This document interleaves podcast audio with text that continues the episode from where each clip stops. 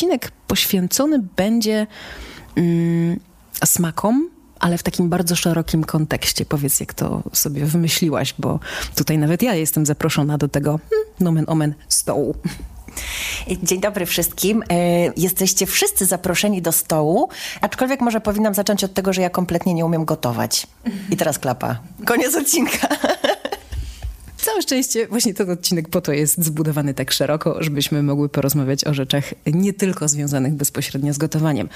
Pojęcie stół jest blisko związane z Śródziemnomorzem. Ja myślę, że stół kojarzy nam się ze Śródziemnomorzem, dlatego przede wszystkim, że y, region śródziemnomorski y, to region przepysznej kuchni.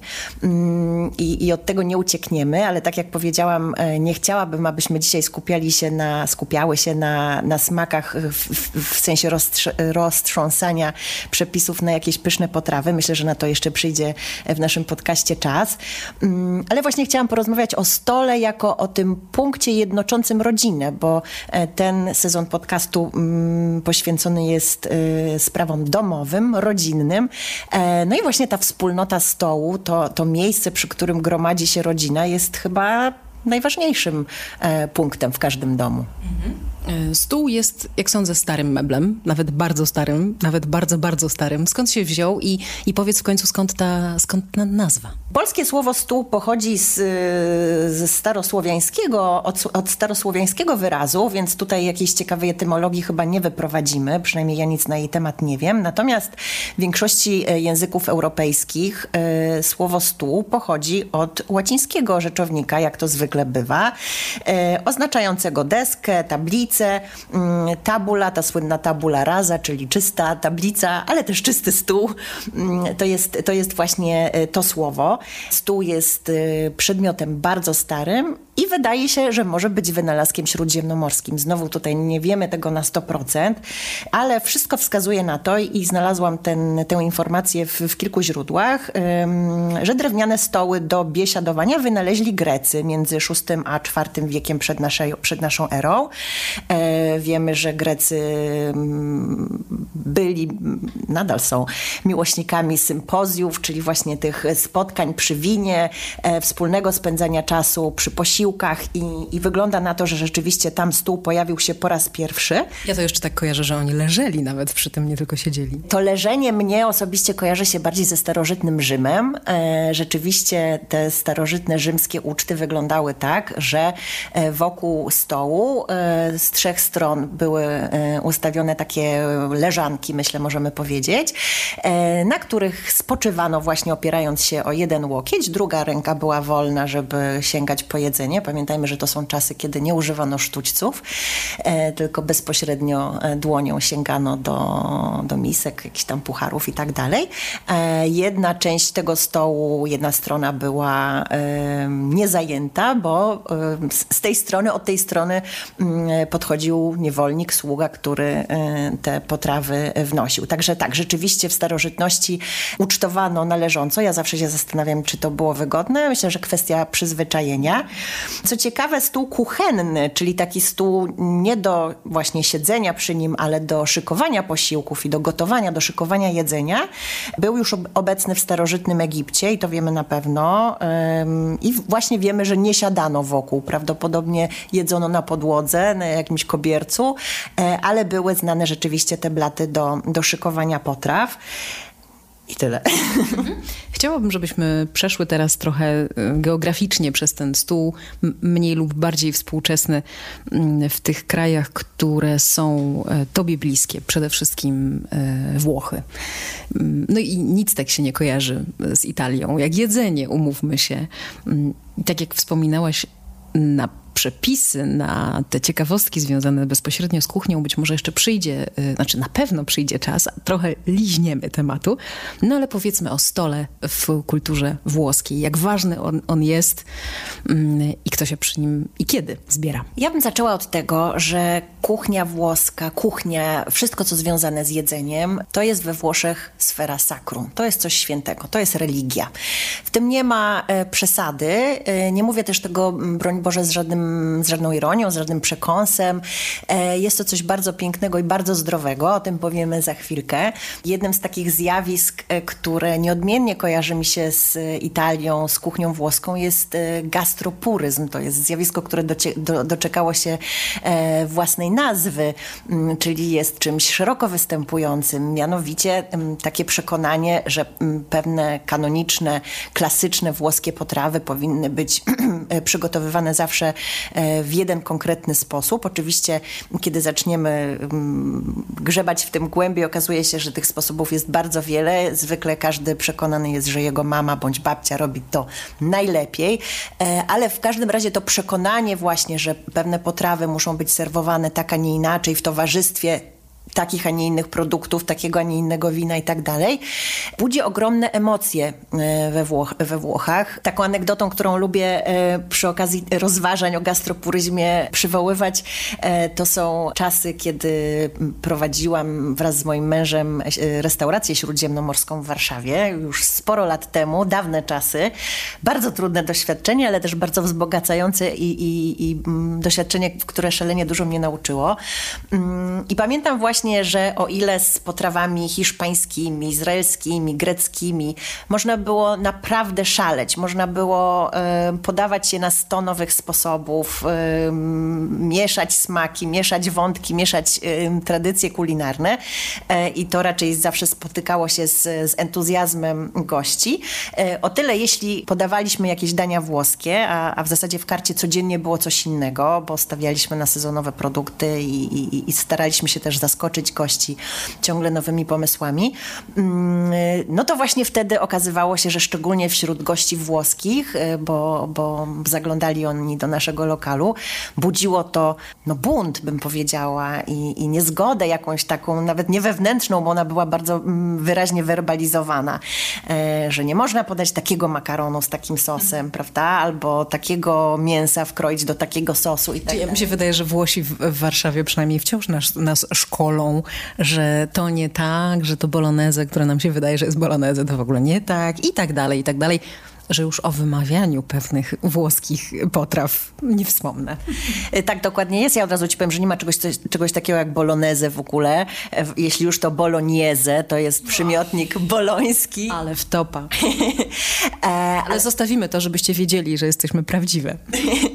ale też nie ma takiej potrawy w ogóle, że tak powiem, w katalogu włoskich potraw. Jest ten, ten makaron z pomidorowym sosem z mięsem.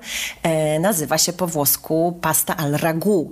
Ragu to jest właśnie określenie tego, tego mielonego mięsa. We Włoszech, e, jeśli ktoś używa określenia makaron, spaghetti, czy jakiś tam inny, jakiś inny makaron po bolońsku, to robi to pod turystów tylko i wyłącznie po to, żeby oni wiedzieli e, o co chodzi, bo rzeczywiście w Bolonii podaje się najlepsze ragu, ale ono się tam nazywa ragu. Słuchaj, skoro już mnie zapędziłaś e, w, w róg tym, tym spaghetti, to ja wiem, że jeszcze będzie ten odcinek, naprawdę, będzie ten odcinek odcinek y, o rodzajach makaronu, o sosach. On będzie pyszny, będzie po prostu y, ta, taki roztaczał zapach, że będziecie to czuli przez głośniki. Ale mm, wyjaśnijmy raz na zawsze kwestię z penę, dobrze? Zrobisz to? Nie wierzę, że mnie o to prosisz. To jest ostatnia rzecz. I wracamy do sakrum. Ja bardzo proszę, żeby to zostało wyemitowane, że ja się buntuję przeciwko temu pomysłowi, ale dobrze. Otóż proszę Państwa, Penne to jest męska część ciała, natomiast makaron rurki to są penne przez podwójne N. W związku z tym proszę nie zamawiać penne w restauracji. Wróćmy do sekrum. To sekrum włoskiego jedzenia wiąże się też z tym, że oni się nie spieszą i to jest piękne. Tak, rzeczywiście mało który wątek y, tego włoskiego czy w ogóle południowego stylu życia tak bardzo y, łączy się z pojęciem lente jak, y, jak kuchnia. Włosi poza tym, że się nie spieszą, że biesiadują, że celebrują posiłki i to na różne sposoby, to nie jest tylko celebracja smaku, to jest celebracja formy w ogóle, prawda? Tego, że staramy się, starają się, ja już mówię o sobie też od razu, aby posiłek był pięknie podany, aby cieszył oko, żeby opera grała w tle, prawda? Czyli żeby wszystkie zmysły były stymulowane. Mm, to poszli jeszcze dalej. Mianowicie taką niezwykle istotną rzeczą dla, dla Włochów są pory posiłków. Posiłki je się o określonych godzinach i w zasadzie no, musi się naprawdę walić i palić, żeby, żeby to zostało zmienione, przesunięte. E, taką świętą godziną jest godzina 12, czasem jest to 13, to też w zależności od tego, czy jesteśmy bliżej e, południowego krańca Włoch, czy bardziej na północy, bo wiadomo, jest to też zależne od, od klimatu. No to nie jest, y, i to nie jest taki, no bo umówmy się, że śniadanie włoskie nie opiera się na boczku, jajecznicy, bułkach z masłem i z żółtym serem, jest dosyć skromne, Dlatego ta dwunasta, kiedy wybije, albo trzynasta, jest wreszcie porą na jedzenia się. Jest bardzo ważną porą. Rzeczywiście śniadanie włoskie jest e, symboliczne i szczerze mówiąc chyba średnio zdrowe, e, bo, bo powoduje wyrzut insuliny do krwi, jeśli mogę tak powiedzieć e, już medycznie, mm, ponieważ śniadanie włoskie mm, ma zwykle charakter słodki. Włosi piją rano kawę mleczną, to też jest istotne, że po obiedzie zamawiamy w zasadzie tylko espresso i mm, ja zawsze jak zamawiam cappuccino po południu we Włoszech, to od razu podkreślam, że jestem przyjezdna, żeby nie było. Rano pije się cappuccino czy kafe latte, czyli, czyli właśnie te kawy z dodatkiem mleka i przegryza się do tego coś słodkiego, czy rogalika, czy jakąś maślaną bułeczkę, mm, czy, czy, czy, czy jakieś krakersy, czy sucharki z dżemem. Mm, także rzeczywiście jest to posiłek mało treściwy, słodki, po którym jesteśmy mm, dosyć prędko głodni. No i może rzeczywiście stąd wynika to, to zamiłowanie do południowego e, obiadowania, ale myślę, że to też jest, tak jak wspomniałam, podyktowane klimatem, tym momentem, kiedy słońce słońce jest wysoko, można wyjść na zewnątrz, można się pocieszyć e, chwilą na świeżym powietrzu, spotkaniem ze znajomymi, spotkaniem e, z bliskimi. Mm, e, w tych bardziej mm, południowych, tradycyjnych częściach Włoch, tych częściach, które żyją troszkę wolniej, czyli mówię tutaj bardziej o prowincji niż w wielkich miastach, mm, wiele osób nadal wraca do domu na obiad i na czas siesty. To kolejna rzecz, która się z tym tematem łączy. Dużo pracowników w miastach oczywiście wychodzi z biur czy, czy zakładów pracy, sklepów mm, do, do stołówek, do restauracji, no ale generalnie jest to taki moment, kiedy, kiedy w zasadzie życie niezwiązane z jedzeniem zamiera. Mm, taką ważną rzeczą, którą ja wspominam mm, z czasów, w którym mieszkałam w Rzymie, to jest na przykład y, to, że y, nikt y, normalny nie wykona w tych godzinach właśnie 12, pierwsza i, i troszkę później telefonu do nikogo no po prostu się wtedy nie dzwoni, bo to jest moment, kiedy wszyscy mają pełną buzię. W związku z tym, tak jak u nas no, zwykło się, przywykło, przywykliśmy do tego, żeby nie, nie wykonywać telefonów do no, osób, które nie są nam bardzo bliskie po godzinie 22, tak we Włoszech nie dzwoni się właśnie w porze obiadowej. Skąd się wzięło to nasze przekonanie, że kuchnia śródziemnomorska jest kuchnią zdrową, a może nawet najzdrowszą ze wszystkich. Kuchnia śródziemnomorska rzeczywiście jest bardzo zdrowa i, i, i to jest fakt. Mm, wiele elementów, wiele czynników e, sprawia, e, sprawia, że tak jest, począwszy chociażby od faktu, że stosuje się w niej dużo oliwy z oliwek, bardzo zdrowego tłuszczu.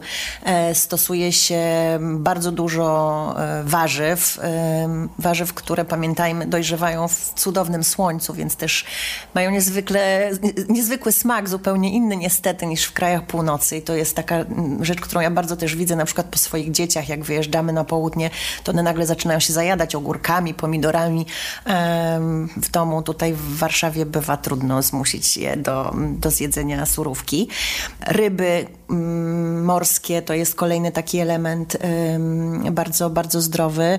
Przyznam, że ja myślę, że tak naprawdę najważniejszym elementem, najzdrowszym elementem kuchni śródziemnomorskiej jest właśnie ta niespieszność, e, to świadome jedzenie. Fakt, że, że spożywanie posiłku jest, jest aktem świadomym. Jeszcze jeden y, włoski aspekt jedzenia, czyli y, takie celebrowanie sezonowości, y, które w wielu różnych no, momentach i w wielu różnych miejscach się objawia.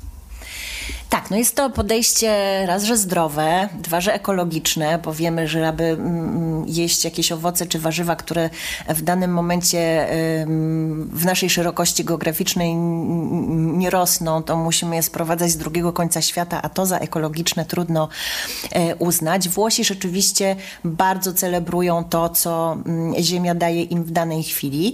Robią to nie tylko poprzez wymyślanie coraz to nowych potraw z użyciem e, sezonowych warzyw, ale przez organizowanie prawdziwych imprez, y, myślę, że to jest chyba najlepsze słowo, mm, poświęconych rozmaitym smakom, rozmaitym y, darom ziemi.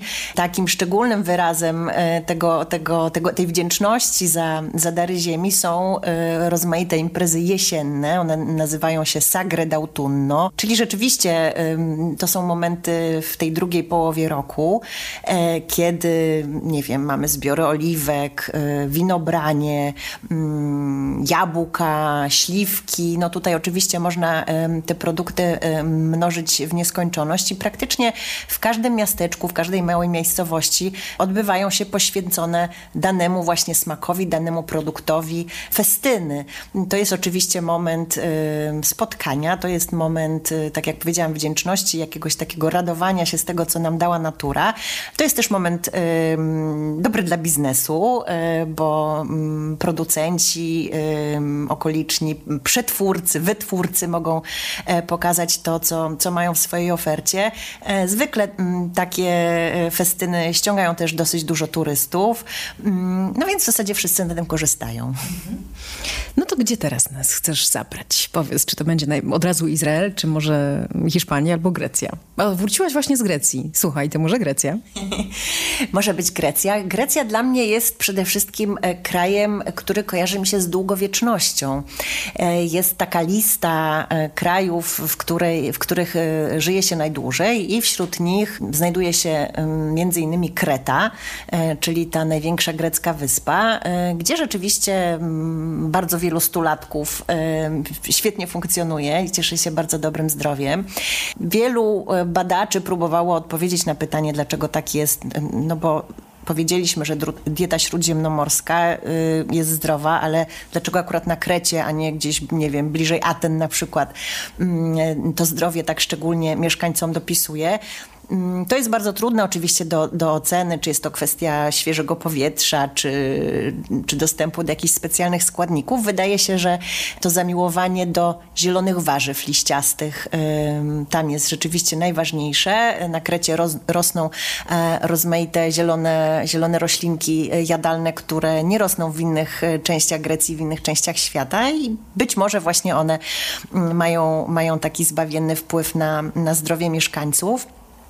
E, z drugiej strony Grecy jedzą naprawdę bardzo dużo mięsa. Ja myśl, muszę powiedzieć, rzeczywiście wróciłam mm, kilka dni temu z, z wysp greckich. Jestem zaskoczona, bo w Warszawie w zasadzie już tego nie, nie widuję. Oczywiście u nas też mamy mm, i suwlaki, i bary z y, jakimiś tam szaszłykami, i kebabami, i, i hamburgerami. Mm, natomiast, y, no, tak jak mam wrażenie, jak patrzę na, e, na młodych ludzi, czy ludzi, ludzi z mojego pokolenia, tych 30-40 plus, to jednak od mięsa odchodzi się coraz, coraz powszechniej i raczej kwitną e, na każdym kroku e, restauracje, lokale serwujące e, dania wegetariańskie. Czego Izrael jest przykładem, o czym pewnie za chwilę jeszcze powiemy. O tym powiemy za chwilę, a w Grecji naprawdę mięso na każdym kroku, w każdej karcie. Muszę powiedzieć, że wręcz było mi troszkę trudno jako osobie. Ja, ja jem mięso, natomiast nie jestem jego jakąś wielką miłością miłośniczką. Szczerze mówiąc, po prostu wolę, bardziej smakuje mi kuchnia wegetariańska. E, miałam trudności. Mm, e, też prawdą jest, że poruszałam się po, po takich dosyć mocno turystycznych szlakach, ale rzeczywiście tam to, to zamiłowanie do mięsa ma się bardzo dobrze.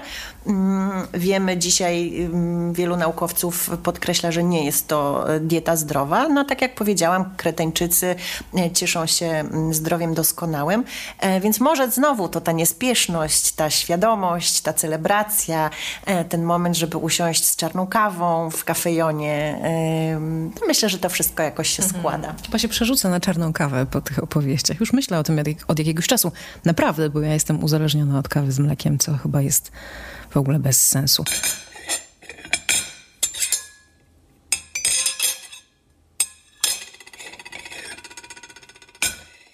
Jeszcze jedna porcja.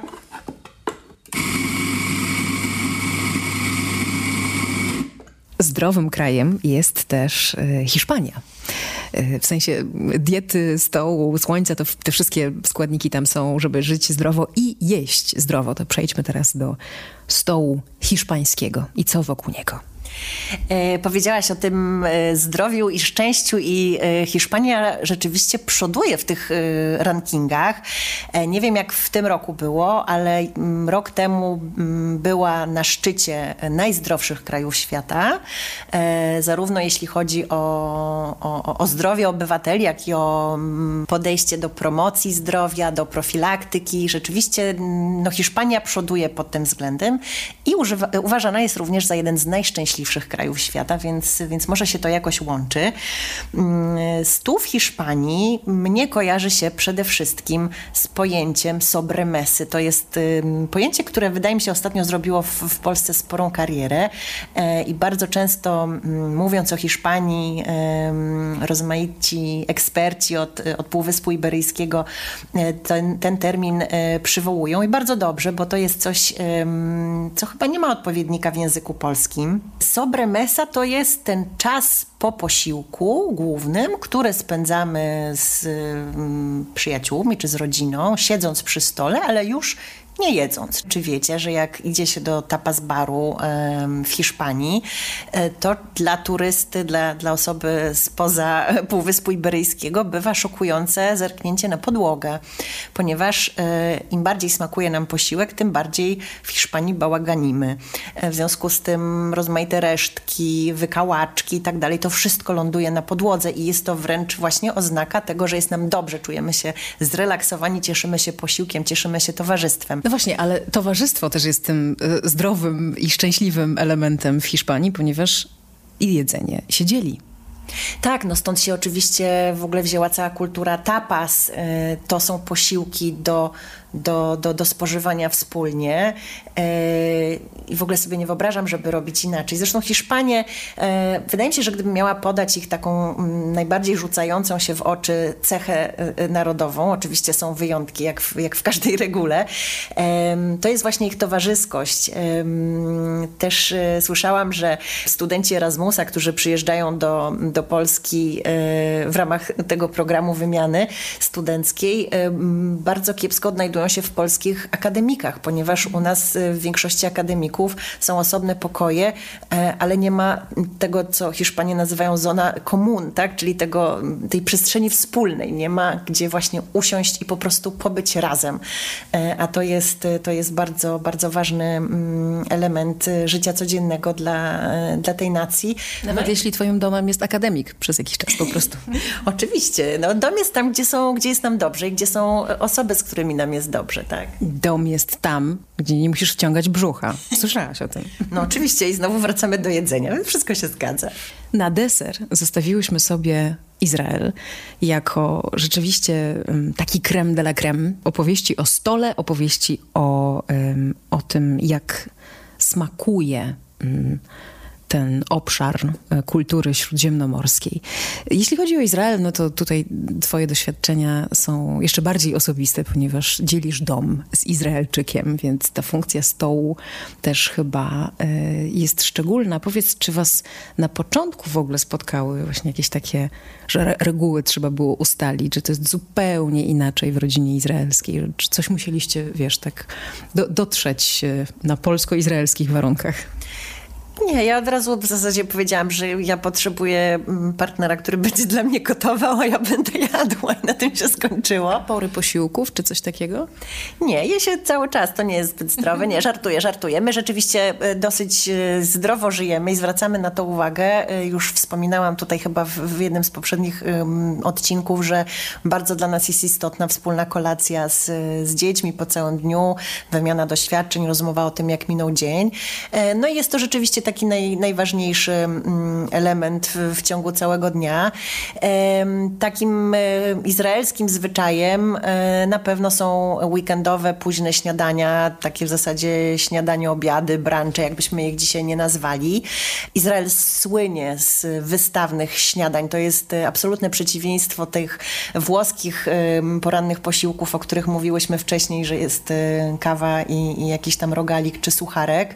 E, w Izraelu śniadanie to jest najdłużej, naj, naj, najbardziej celebrowany mm, posiłek w ciągu dnia. Oczywiście w weekendy, w święta, mm, nie wtedy, kiedy pędzimy do pracy czy szkoły. Taką ciekawostką, e, jeśli chodzi o te pory jedzenia, mm, no nie związaną z moim domem, ale, ale w ogóle z życiem w Izraelu, jest fakt, że tam e, bardzo wiele barów i restauracji czynnych jest przez całą dobę. W zasadzie o każdej porze dnia i nocy możemy wyskoczyć na miasto, coś zjeść. Ale niektóre czynne są dopóki starczy składników, tak jak z humusiarniami tak jest, prawda? Ja muszę powiedzieć y, jedną rzecz y, od siebie mm, i ona będzie dotyczyła też mojego zachwytu nad izraelskim jedzeniem. Nigdy, znaczy w ogóle wydaje mi się, że oni faktycznie wokół tego stołu krążą cały czas. Nigdzie nie widziałam takich kolejek do restauracji jak w, w Tel Awiwie. Ludzie stoją i kolejkę zakręca na następną uliczkę, oni stoją i czekają na swój wolny, na, na swój wolny stolik albo po prostu bardzo chcą zjeść właśnie tam. To jest pierwsza rzecz. Po, po drugie, mam taką Mm, taki zwyczaj wy, zachwycania się fragmentami kulinarnymi w książkach izraelskich. Przede wszystkim u Amosa Oza, którego czytam.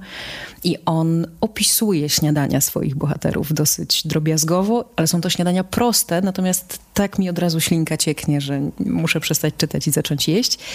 I jeszcze trzecia e, rzecz mm, ciekawa związana z, z tym, nie wiem, czy pamiętasz film Stevena Spielberga Monachium, który opowiadał o, o, o, o tej masakrze mm, olimpijczyków z Izraela w, mm, w Monachium na, na, na igrzyskach i o tym, co potem. Tam miała miejsce taka akcja odwetowa i w, no, obserwujemy losy mm, agentów specjalnych wysłanych do Europy na, na tę misję taką bardzo niebezpieczną i, i brutalną. I Steven Spielberg poświęca bardzo dużo czasu kuchni. To znaczy pokazuje tych Izraelczyków gotujących w wynajętych hotelach, w małych klitkach, na ławce w parku. Dla mnie to jest ba bardzo takie znaczące w kontekście e, tego izraelskiego stołu szeroko pojętego. Tak, no to oczywiście wchodzimy na temat rzekę. Izrael to jest państwo żydowskie. Y, Żydzi to jest naród, który przez wieki tułał się po całym świecie. Dzisiaj rozpoczęłyśmy podcast y, tą moją uwagą, że y, stół to jest najważniejszy punkt w domu, e, ale warto też powiedzieć, że kuchnia, smak to jest coś, co w sposób niezwykle silny przywołuje nas wspomnienie domu, wspomnienie dzieciństwa, wspomnienie bezpieczeństwa. Mm, przecież e, no, nie bez kozery, jak spojrzymy na przybyszów z różnych krajów, imigrantów, e, uchodźców, zwykle kiedy, kiedy właśnie ludzie z, z jednego kraju znajdują się w drugim, e, to tym takim bardzo istotnym wyznacznikiem ich tożsamości kulturowej, narodowościowej jest, jest kuchnia. Oni się bardzo często gromadzą wspólnie, gotują swoje potrawy, pokazują te potrawy w kraju, do którego przybyli. Często zakładają biznesy związane z y, właśnie mm, przygotowywaniem tych potraw, otwierają re, restauracje. Wydaje mi się, że w wypadku narodu żydowskiego, który, tak jak powiedziałam, przez tysiące lat tułał się po całym świecie, właśnie ten element domu jako, jako smaku mm, był szalenie istotny. Oczywiście powiedziałam, otwieramy tutaj temat rzekę, dlatego że jedzenie y, w, w religii żydowskiej e, łączy się też z szeregiem e, reguł. Był przez wieki, jest nadal wyznacznikiem tożsamości żydowskiej, religijnej. To, co mnie absolutnie zachwyca jako, jako obserwatorkę kultury żydowskiej, jest właśnie fakt, że dzięki torze, dzięki e, regułom religijnym, spożywanie posiłków znowu staje się e, świadomym aktem. Mm. No, szabat zaczyna się od kolacji.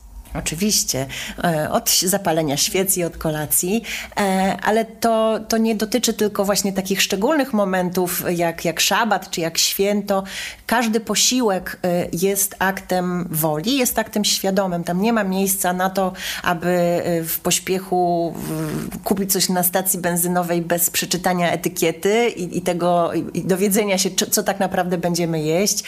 Nie ma mowy o wyciągnięciu byle czego z lodówki, zmieszaniu tego talerz, na talerzu i, i wchłonięciu przed komputerem. E, i oczywiście, tak jak mówię, tutaj y, wchodzimy bardzo mocno w, w ten temat tradycji, religii, to są, to są szerokie mm, tematy. E, natomiast no, mnie to absolutnie zachwyca, właśnie szczególnie ze względu na fakt, że, że sama żyję dosyć szybko, mam trójkę dzieci, pracuję. E, bardzo często niestety y, jem w pośpiechu, bez zastanowienia, tylko po to, żeby zaspokoić głód. Natomiast y, właśnie w, w tradycji żydowskiej to, to nie ma być zaspokajanie głodu. אבא, אני יכולה להכין היום את ארוחת ערב? טולי, את יכולה לסדר את השולחן בבקשה? כן. osobom mm, zainteresowanym tematem e, ogromnie polecam wystawę w Warszawskim Muzeum Polin noszącą tytuł Od kuchni żydowska kultura kulinarna. E, to jest wystawa, która przybliża właśnie e, zasady spożywania posiłków, ale także historię żydowskiej kuchni, przepięknie opowiada o smakach, przepięknie opowiada o tradycjach, bardzo, bardzo wiele rzeczy e, naprawdę pięknie tłumaczy. Kto nie zdąży, niech e, sięgnie do e, bardzo ciekawego wydawnictwa, publikacji, która, która powstała w ramach tej wystawy i prezentuje te treści w, formie pisanej. No naprawdę zachwycająca rzecz.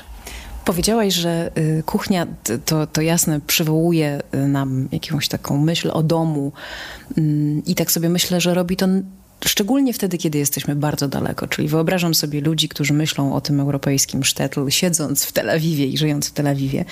Ale ważne jest, żebyśmy powiedziały o tym, że kuchnia izraelska, a kuchnia żydowska to są de facto dwie różne kuchnie. Tak, to są dwie różne kuchnie, aczkolwiek e, oczywiście wiele się tam zazębia.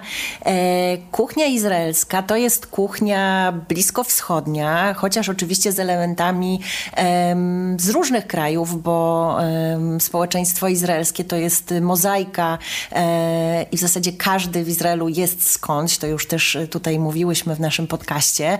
Natomiast no jest, to, jest to kuchnia rzeczywiście dosyć mocno bliskowschodnia z dużym, dużą komponentą wegetariańską. Tutaj myślę, że dwa elementy są istotne. Po pierwsze, ta kuchnia wegetariańska e, pięknie wpisuje się w, w żydowską tradycję tikkun olam, czyli naprawy świata. E, I rzeczywiście Izraelczycy są, są bardzo często orędownikami e, wegetarianizmu czy weganizmu, jako właśnie działania, które, które może poprawić życie na ziemi. Ale druga rzecz wynika znowu z tej tradycji żydowskiej, mianowicie mm, zachowanie wegetarianizmu dosyć mocno ułatwia zachowanie zasad koszerności, kaszrutu. No właśnie, jakbyś najprościej powiedziała, czym jest koszerność? Koszerność czy kaszrut y, to, są, to jest zbiór reguł obowiązujących w, w prawie żydowskim, y, które określają rodzaje produktów dozwolonych do spożywania. Mm, to polskie słowo kaszrut czy koszer pochodzi od y, wyrazu hebrajskiego, oczywiście kasher, czyli właściwy, odpowiedni. No i tutaj odnosimy się bezpośrednio do, do tych praw religijnych, które, które regulują przygotowanie posiłków i, i ich spożycie. Co to oznacza w praktyce? Mm, niespożywanie pewnych posiłków, niespożywanie pewnych produktów. Z takich y, pewnie najbardziej znanych osobom niezorientowanym za bardzo w, w tym temacie przykładów zasad kaszrutu jest chociażby niełączenie mleka z mięsem, niespożywanie pewnych produktów, na przykład rozmaitych żyjątek morskich, owoców morza. Mm, Wieprzowiny. Wieprzowiny też, tak. I, I to są właśnie te zasady. E, podwójność naczyń, podwójność sprzętów w kuchni jeszcze jest, nie? Tak, no właśnie. Nie można używać tych samych naczyń, e, tej samej zastawy e, do tych produktów, których nie łączymy, tak? Więc tutaj znowu wracam do, do tego wegetarianizmu izraelskiego. W momencie, kiedy w ogóle w naszej kuchni mięso się nie pojawia, no to ten problem, że jedno naczynie jest do mięsa, a inne do produktów mlecznych, e, mówiąc kolokwialnie, po prostu nam odpada. Tak? Więc, e, więc myślę, że to, że, że kuchnia izraelska jest, jest kuchnią bardzo często wegetariańską, na pewno e, ma z tym jakiś związek. Chociaż słyszałam, i to też jest jakaś taka anegdota, która pojawiła się właśnie na wystawie w Polin, że religijni Żydzi często właśnie odchodzą od wegetarianizmu, bo uważają, że to jest nadmierne uproszczenie i skoro mm, przygotowanie posiłków ma być e, takim aktem właśnie bardzo świadomym, któremu, któremu poświęcamy naszą uwagę e, i naszą myśl i robimy to w sposób e, skupiony, no to właśnie powinno się jednak to mięso jeść i oddzielić te dwa rodzaje naczyń, tak aby, aby ta myśl się pojawiła, aby to było intencjonalne. No musimy w tym miejscu obiecać bogaty odcinek o jedzeniu i to chyba każdy odcinek o jedzeniu innego kraju. Będą przepisy, e, będą no różne rzeczy. No obiecuję wam to. Obiecuję wam to. Zwłaszcza, że mąż e, Julii robi najlepszy deser Malabi w tej części świata, więc to się pojawi. A w ilu językach śródziemnomorskich umiesz powiedzieć smacznego? I czy w ogóle się mówi? Bo z polskim słowem smacznego stała się jakoś taka straszna rzecz, że już tego w ogóle nie mówimy. Ja już też się pogubiłam. Przypominam, że my żyjemy w rodzinie wielojęzycznej, w związku z tym trudno mi jest powiedzieć, y, który język tutaj jest obowiązujący.